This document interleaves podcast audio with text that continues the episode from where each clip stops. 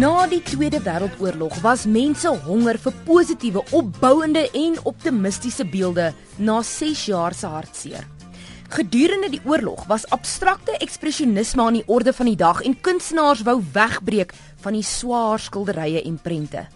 Die idee was om kuns te skep vir almal, want vroeër was kuns net vir die elite.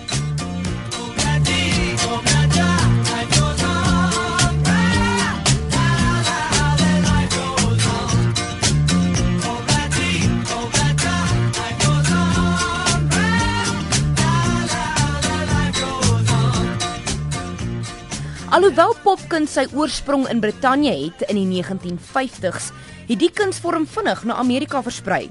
Die idee vir die Amerikaanse popkuns het ietwat verskil van die Britse oorsprong, maar beide het geglo in massamedia, massaproduksie en massakultuur.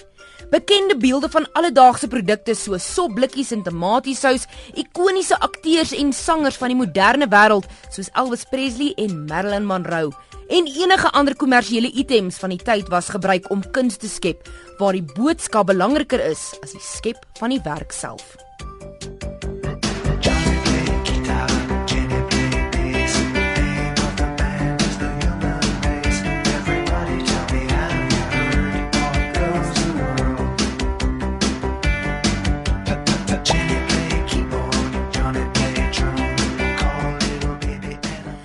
Wat popkuns ook uniek gemaak het van die tyd, is die materiaal wat gebruik was. Tot op daardie stadium was konservatiewe materiale gebruik om kunswerke te maak, soos olieverf vir skilderye en hout of brons vir beeldhouwerk. Maar popkunstenaars het geglo dat enige iets gebruik kan word vir kuns, maak nie saak hoe onbenullig dit is nie.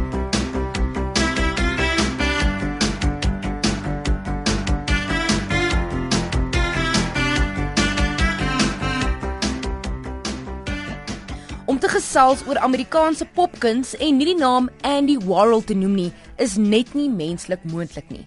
Maar Warhol was nie die voorvader van die vorm nie. Daardie eer behoort aan Robert Rauschenberg. Popkuns het dalk wel in Brittanje begin, maar baie of althans meeste van die Britse popkunstenaars se idees het van Amerika afgekom.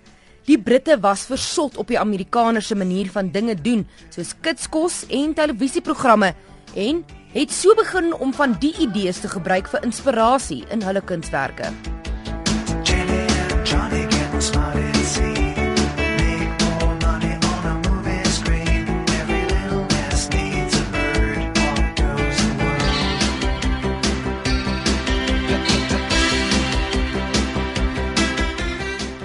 Of dit nou 'n tomatiesous-bottel op 'n prent is of 'n strokiesboek met 'n verliefde paartjie. Popkuns is steeds so populêr soos toe Andy Warhol vir Marilyn Monroe in helder kleure laat druk het.